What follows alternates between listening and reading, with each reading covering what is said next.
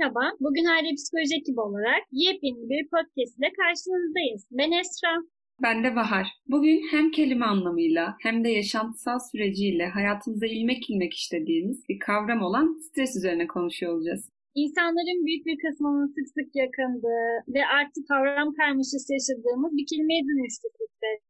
Kelimelerin anlamını günlük dilimizde inşa ediyoruz aslında. Ve dediğin gibi dilimize yerleşip sıradanlaştıkça stres kelimesinin gerçek anlamından soyutlandık sanki biraz. Yani böyle düşününce ilk adımın stresin tanımını yaparak başlamak olduğunu düşünebiliriz. Daha sonra pandemi sürecinde yaşadığımız duygulara odaklanabiliriz biraz. Bunlardan bahsedebiliriz. Çünkü özellikle pandemi döneminde stres evimize baş konuk olarak yerleşti ve bununla baş etmekte de çok zorlandık. Bunun hani sebepleri üzerinde durabiliriz biz biraz vesaire. Ardından biraz daha sınav stresi özelinde konuşabiliriz. Biz dinleyen genç arkadaşlarımız varsa onlara da faydalı bir içerik bırakmış oluruz.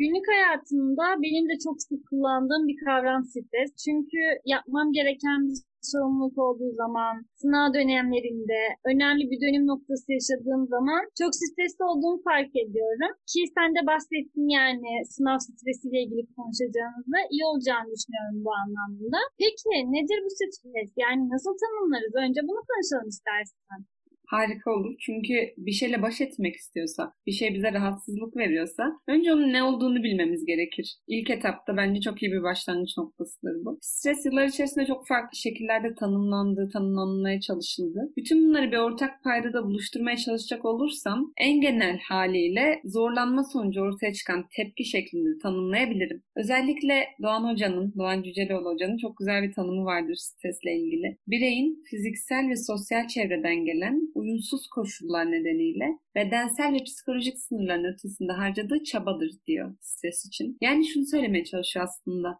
Kaynaklarımızın ötesinde bir çaba harcamamız gerekince verdiğimiz tepki stres diyoruz. Bunu bu noktada düşününce şöyle bir yorum yapabiliriz bence. Yani en azından ben o şekilde yorumlamıştım bu tanımı. Herkesin stresi aynı ölçüde algılamadığını biliyoruz. Hepimiz çok farklı şekillerde deneyimliyoruz stresi.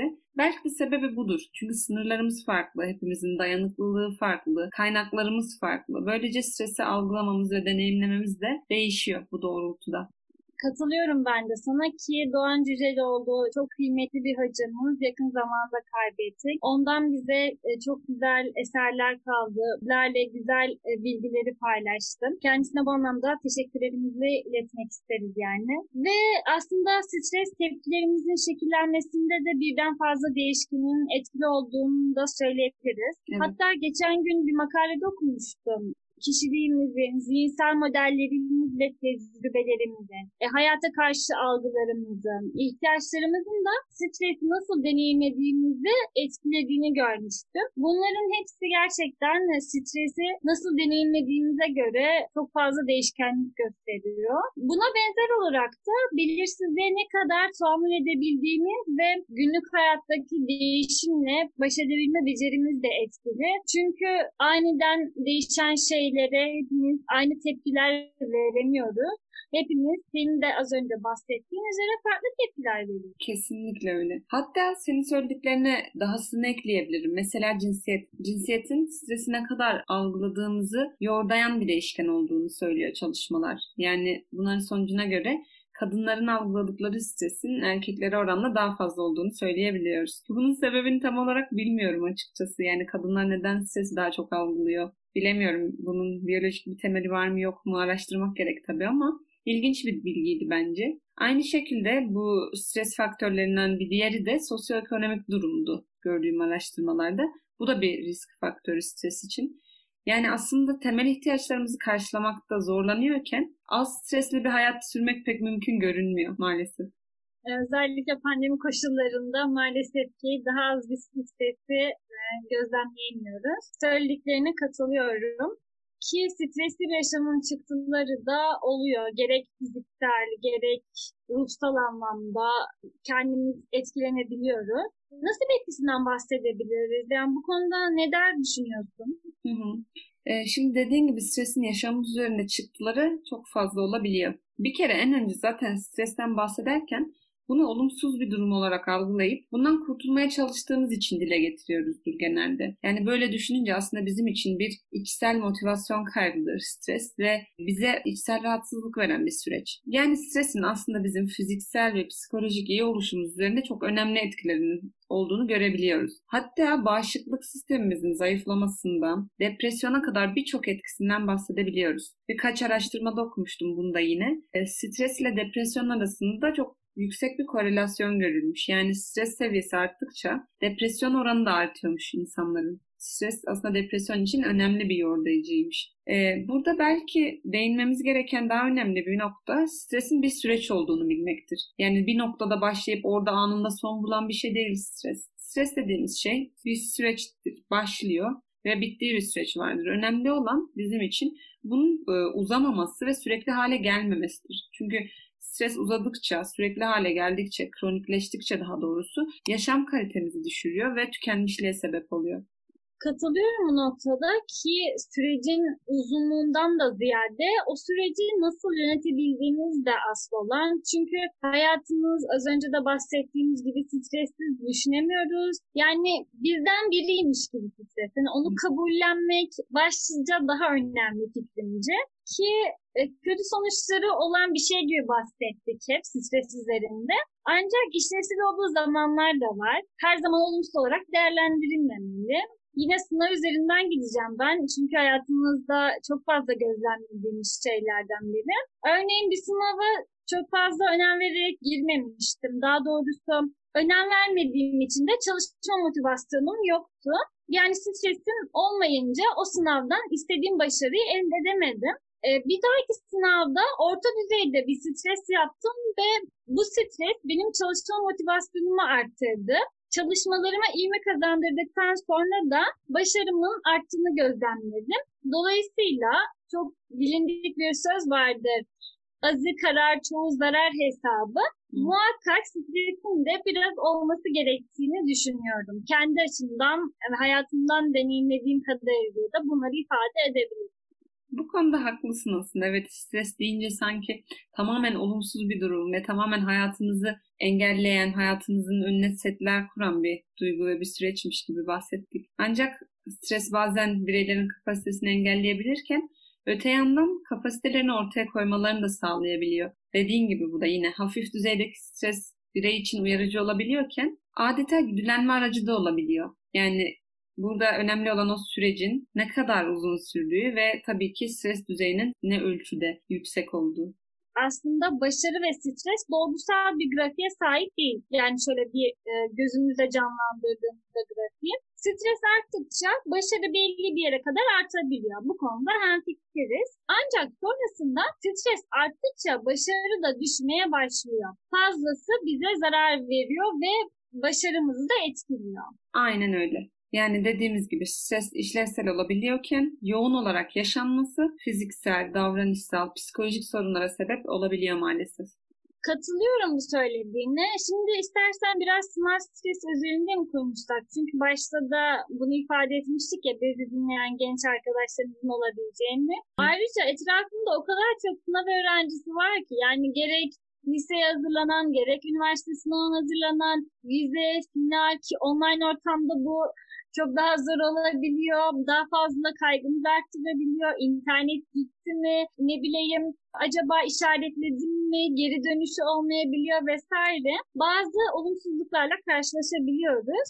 Bu öğrencilerin de ki bu öğrencinin içerisinde bizler de varız. İnanılmaz stresli olduğunu görebiliyoruz, yaşıyoruz. Bilmez miyim? Benim de bir tane kız kardeşim var şu an. Üniversite sınavına hazırlanıyor. Çok yoğun stres yaşadığını biliyorum onun da. Arkadaşlarına da aynı durumu gözlemliyorum. Dediğin gibi kendim de deneyimliyorum. Yani sadece öğrenciler için değil tabii ama sınav nezdinde düşününce stres çok daha büyük bir problem olarak çıkıyor karşımıza. Evet zihnimizde de o şekilde bu kurgulanmış ki yeni nesil daha stresli sanki bana öyle geliyor bilmiyorum da ya da biz o zamanları geride bıraktık diye hani uzaktan mı öyle geliyor bilemeyeceğim. Hani uzaktan bakıldığında uzun sesi hoşuma geliyor. yani etkisi vardır elbette sürecin, zamanın, koşulların ama her şey çok değişti ya. Aynı şartlarda değiliz. Daha stresliler mi bilmiyorum ama Dediğimiz gibi bu pandemi koşullarından sonra onların da şartları çok zorlaştı. Uzun bir süre okula yüz yüze eğitime devam edemediler. Bu muhtemelen çok büyük bir stres kaynağı olmuştur onlar için. Ama yani daha mı stresli bir nesil geliyor bilemiyorum. Zaman çok değişiyor. Bireyin içinde bulunduğu gelişim dönemi olsun, az önce senin ifade ettiğin gibi de cinsiyeti olsun, toplumsal çevresi olsun, yaşadığı zaman dilimi, özellikle bir yıldır dilimize pelesten konuş pandemi süreci gibi pek çok faktör bireyin farklı stres verici yaşam olaylarıyla karşı karşıya kalmasına neden olabiliyor maalesef. Bam telime bastın. Yani burada biraz eğitim sistemine bir eleştiride bulunmak istiyorum. Özellikle kimlik oluşumunun tamamlandığı yaşlardan bahsediyoruz bu sınav öğrencileri için. Bu yaşlar ve belirsiz gelecek kaygısı stresin yoğun bir şekilde deneyimlendiği dönemler. E bir de üstüne zaten başlı başına stresli bir dönem iken bunlar biz gelecek kaygısı, önemli bir dönüm noktası yükleyip bir kambur oluşturduk gençlerin sırtına. Böyle olunca tabii ki çok daha stresli ve ağır atlatmaları bu süreci biraz anlaşılır gelebiliyor bizim için. Ama burada ben belki de bir öneri niteliğinde de algılanabilir ama gerçekçi hedeflerin olması her zaman bireyler için çok güdüleyici, motive edici bir durumdur. Yani bizim hedeflerimizin kendi yetenek düzeyimizde olması bizi e, bu doğrultuda çaba harcamaya motive eder. Ama kendi kapasitemizin üzerinde beklentilere ve hedeflere sahip olmamız stres yaşamamıza sebep olur. Bu yüzden daha gerçekçi hedefler her zaman başarıya daha kestirme bir yoldur denebilir bence. Katılıyorum burada sana. Güzel açıkladın. Yani gerçekten ulaşılabilir bir hedef belirlemek de önemli bu noktada.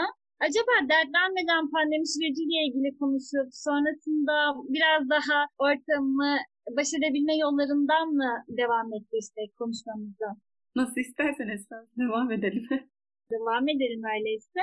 Şimdi pandemi sürecinde ifade ettiğimiz gibi daha stresli hale geldik. Çünkü ekstrem bir durumdu. Hatta bizim için e, özellikle böyle üç hafta diye tatil dendi. Ancak bir buçuk yılımıza tekabül etti. Artık stresle baş etmede hani güçlük çekmeye başladık hepimiz. Dolayısıyla zorlanıyoruz. Sence neden böyle oldu? Fikrin nedir yani bu noktada? Bu pandemi sürecinden sonra hayatımızda çok köklü değişiklikler oldu. Senin de söylediğin gibi. Bir anda bütün rutinlerimizin ötesine çıktık. İşte evlere sıkıştık.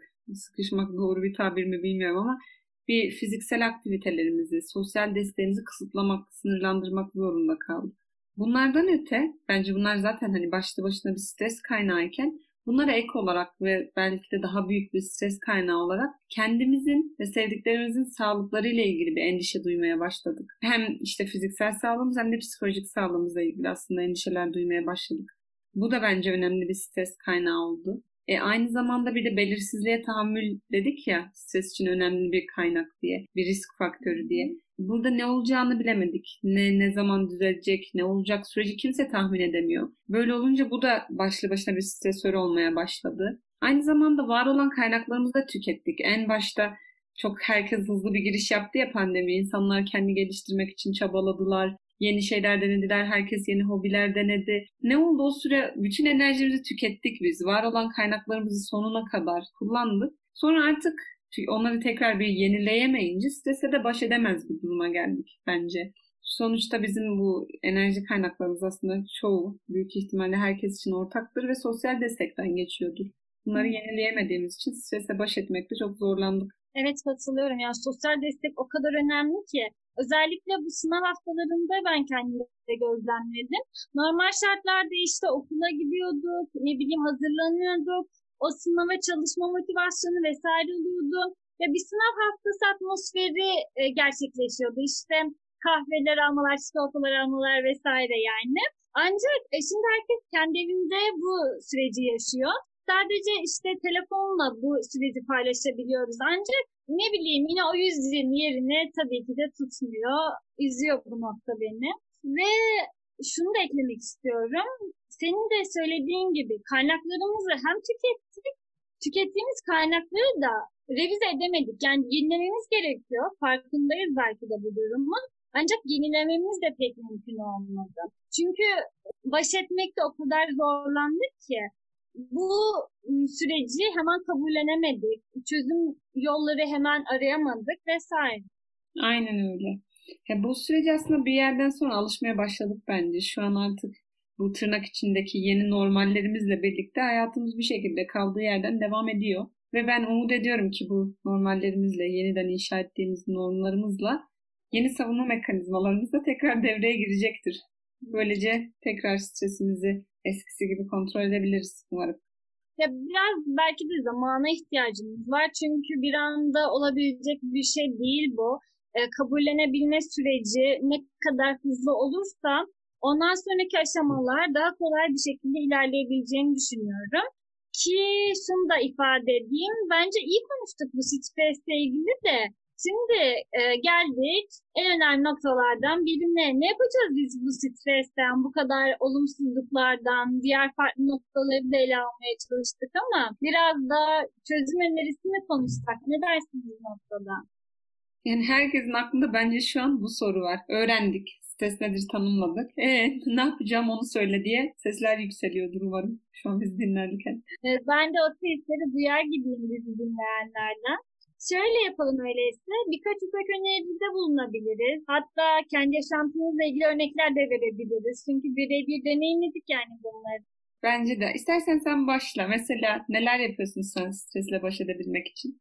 Şöyle, kendi adıma stresle çok iyi bir şekilde baş edebildiğimi düşünmüyorum. Ancak bu yolda olduğumu söyleyebilirim. Yani baş etmeye çalışıyorum, gayret sarf ediyorum. Mesela bu süreçte neler yapmaya gayret gösteriyorum onlardan bahsedeyim biraz.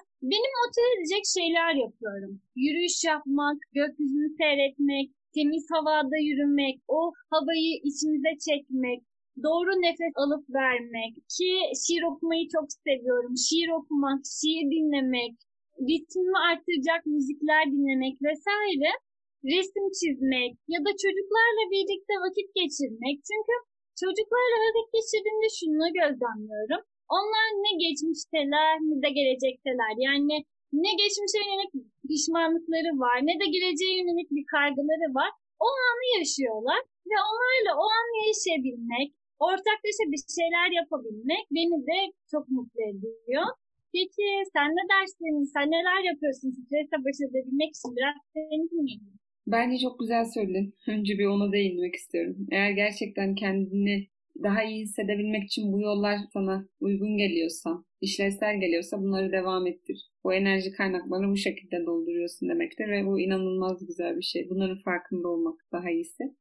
Yani bana gelecek olursak ben de son zamanlarda biraz başarısızdım stres yönetimi anlamında. Ama normal şartlarda bence iyi olduğum bir konuydu stres yönetimi. Sadece bu pandemi sürecinde işte son sınıf olmanın verdiği yükün altındayken biraz zor oldu stres yönetimi. Ama normal şartlarda ben de işte uzun yürüyüşler yapıyorum. Çalışmalarda da gösterilmiş bir şey. Yani fiziksel egzersiz her zaman iyi ve etkili bir yol stresle baş edebilmek için.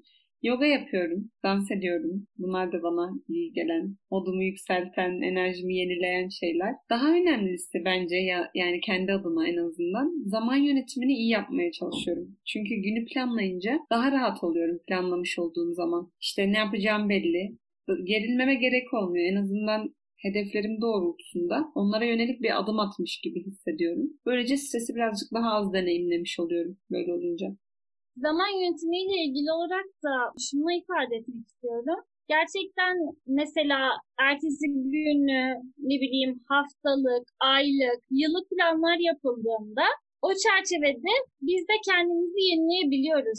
Belirsizliği, tahammülsüzlüğümüzü azaltıyor. Bu noktada haklısın. Bir de e, şunu ekleyeyim. Olumlu düşünmek, başarıya inanmak da çok etkili geliyor bana. Sanki her şey iyi olacakmış gibi e, bir his doğuyor. Yani benim zihnim nasıl yönetirse dünya da o şekilde olacakmış gibi. Ve bu bana kendimi de iyi hissettiriyor. Bilmiyorum sende de böyle bir şey oluyor mu ama?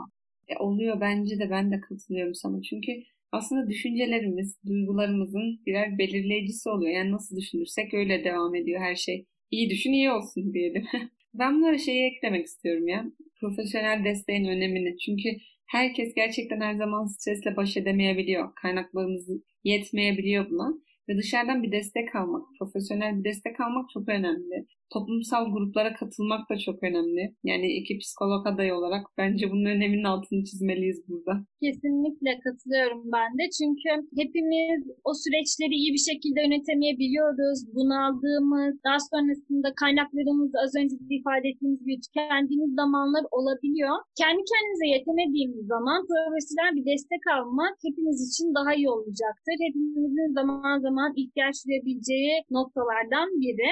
Ayrıca bir de başlangıçları büyük dert haline getirmemek gerek sanırım. Yani gözünüzde büyüyünce o hiç yapılamayacakmış gibi geliyor parçaları bölüp böyle küçük e, küçük adımlar atarak ilerlemek sanki bizim motivemizi daha da arttıracak, teşvik edici unsurlar olduğunu düşünüyorum. Yani o gözümüzde büyüttüğümüz balonu, hani hayal ettiğimiz balonu biraz daha böyle havasını indirerek yavaş yavaş yavaş onu küçülterek e, ona bir de dışarıdan bakmak bizi daha iyi e, hissettirebilir bu anlamda. Sen böyle deyince aklıma şey geldi. Hani başlangıçları dert etmemek gerek. Evet o zaman pazartesi sendromuna son. Pazartesi sendromu kaldırdık şu an dilimizden. Evet katılıyorum ya. Başlangıçları çok büyük dert haline getiriyoruz çoğu zaman. İşte yeni bir işe başlarken, yeni bir hayata başlarken, yeni bir haftaya başlarken, yeni bir aya başlarken her zaman böyle bir zor gibi gelir uzaktan ama bunları küçük parçalara bölmek ya da en azından bir adım atmak çoğu şeyi aslında çorap söküğü gibi devam ettiriyor. Ee, bunun dışında şey söyleyebilirim ben de. Ana odaklanmak da çok etkili bir çözüm oluyor benim için yine. Bugün Doğan Hoca'yı çok iade ettik ama tekrar onun bir videosundan bahsetmek istiyorum. Bir videosunda bulunduğumuz ana odaklanmamızı, o anın içinde olduğumuzu fark etmemizin aslında duygularımızın da farkındalığı için güzel bir adım olduğunu söylemişti. İşte oturuyorsun arkadaşlarınla diyelim ki bir yerde. O an için bir dur, etrafına bir bak, eşyaları gözden geçir. O anın içinde olduğunu hisset demişti. Ben de çoğu zaman bunu uyarlıyorum kendime. Yani geçmişte takılı kaldığım, çözemediğim problemler ya da gelecekle ilgili duyduğum kaygıları bir kenara bırakıp o anın içinde olduğunu hissedince sesimi de geçici bir süreç içinde olsa, geçici bir çözüm yolu olarak bir itelemiş olabiliyorum çok güzel ifade ettin bu noktada. Farkındalık, öz farkındalık, çevremize yönelik farkındalığı çok önemli noktalar. Özellikle yani stresle baş edebilmemiz noktasında. Bir de çözemediğim sorunlar için ne bileyim hemen strese girmek yerine acaba alternatif çözümler aramak stresi azaltır mı? Ya bunu ben kendimde de gözlemledim. Böyle neye odaklanırsam sanki e, onun çerçevesinde gidecekmişim gibi oluyor. Dolayısıyla biraz daha esnek bakabilmek, o alternatif yolları da görebilmek daha iyi bir zihin yapımıza katkı sağlıyor. Evet, ben de sana katılıyorum. Bir sonuca giden tek bir yol yoktur aslında. Bu şekilde bakınca olaya her şey daha stresli görünür. Çünkü o yolun zorluklarını da aşman gerekir eğer zorlu bir yolsa ama onun dışında daha kolay olabilen, daha güzel olan yollar olabilir. Bunları göz önünde bulundurmak gerekiyor. Ben e, sanırım yavaş yavaş podcast'ın sonuna geliyoruz. Şeyden bahsetmek evet. istiyorum. Yine önemli olduğunu düşündüğüm bir nokta. Dengeli beslenmek ve düzenli uyumak. Bu ikisi çok önemli ya. Boşuna atalarımız söylememiş sağlam kafa sağlam vücutta bulunur diye. Bunu hayatımızın bir rutini haline getirmemiz, bir düzeni haline getirmemiz gerekiyor. Hani sadece yarın sınav var bugün sağlıklı besleneyim, düzenli uyuyayım değil de hayatımızın bir gerçeği haline getirip onu oturtmamız gerekiyor. Böylece yani stresle baş edebilmek için fiziksel olarak da kaynağımız olmuş olur. Yani şu an için bu kadar belki söyleyeceklerim ama şey de ekleyebilir miyim? Ee, hepimiz her an mutlu olamayabiliriz ya da her an herkesi mutlu edemeyebiliriz. Sorunlar da stres de hayatın parçası ve her zaman mutlu olmak belki de iyi bir şey olmayabilirdi ya. O zaman mutsuzluğun ve sesinde değerini bilmemiz gerekebilir. Evet, e, katılıyorum bu düşünceme. Hayat zıtlıklarla var çünkü. Ki hüznü de ne bileyim mutluluğu da en derinden hissedebilmek bizim insan olduğumuzun bir kanıtı. Yoksa sadece mutlu bir hayat bilmiyorum hayal edemedim şu an yani. Hüzünler çünkü bize çok şey katıyor ve kendi hayatıma baktığımda da en güçlü yanlarım en zor zamanlarımdan ortaya çıkıyor. Bu anlamda e, stresli olduğumuz zamanlar tecrübelerimiz daha da artıyor ve farkındalık kazandırıyor bize. Benim söyleyecek çok bir şeyim kalmadı bu konuyla ilgili. Şey söyleyebilirim ama sadece eklemek gerekirse nefes egzersizlerinden bahsetmedik. Gevşeme teknikleri var. Bunlar e, stresle baş etmek aslında en yaygın kullanılan yollar. Türkiye Psikiyatri Derneği'nin sitesinde ben denk gelmiştim bu egzersizlerin yazılı olduğu bir formuna. Oradan ulaşabilir isteyenler. Evet, teşekkür ederiz biz arkadaşlar. Bugün stresle ilgili dilimiz döndüğünce sizlere bir şeyleri ifade etmeye çalıştık. Sürçülisan ettiysek affola demek istiyorum. Ben çünkü biraz heyecan da vardı. Dolayısıyla umarım faydalı bir içerik olmuştur. Umarım yolunuz açık olur. Bizi dinlediğiniz için çok teşekkür ederim. Görüşmek üzere. Hoşçakalın.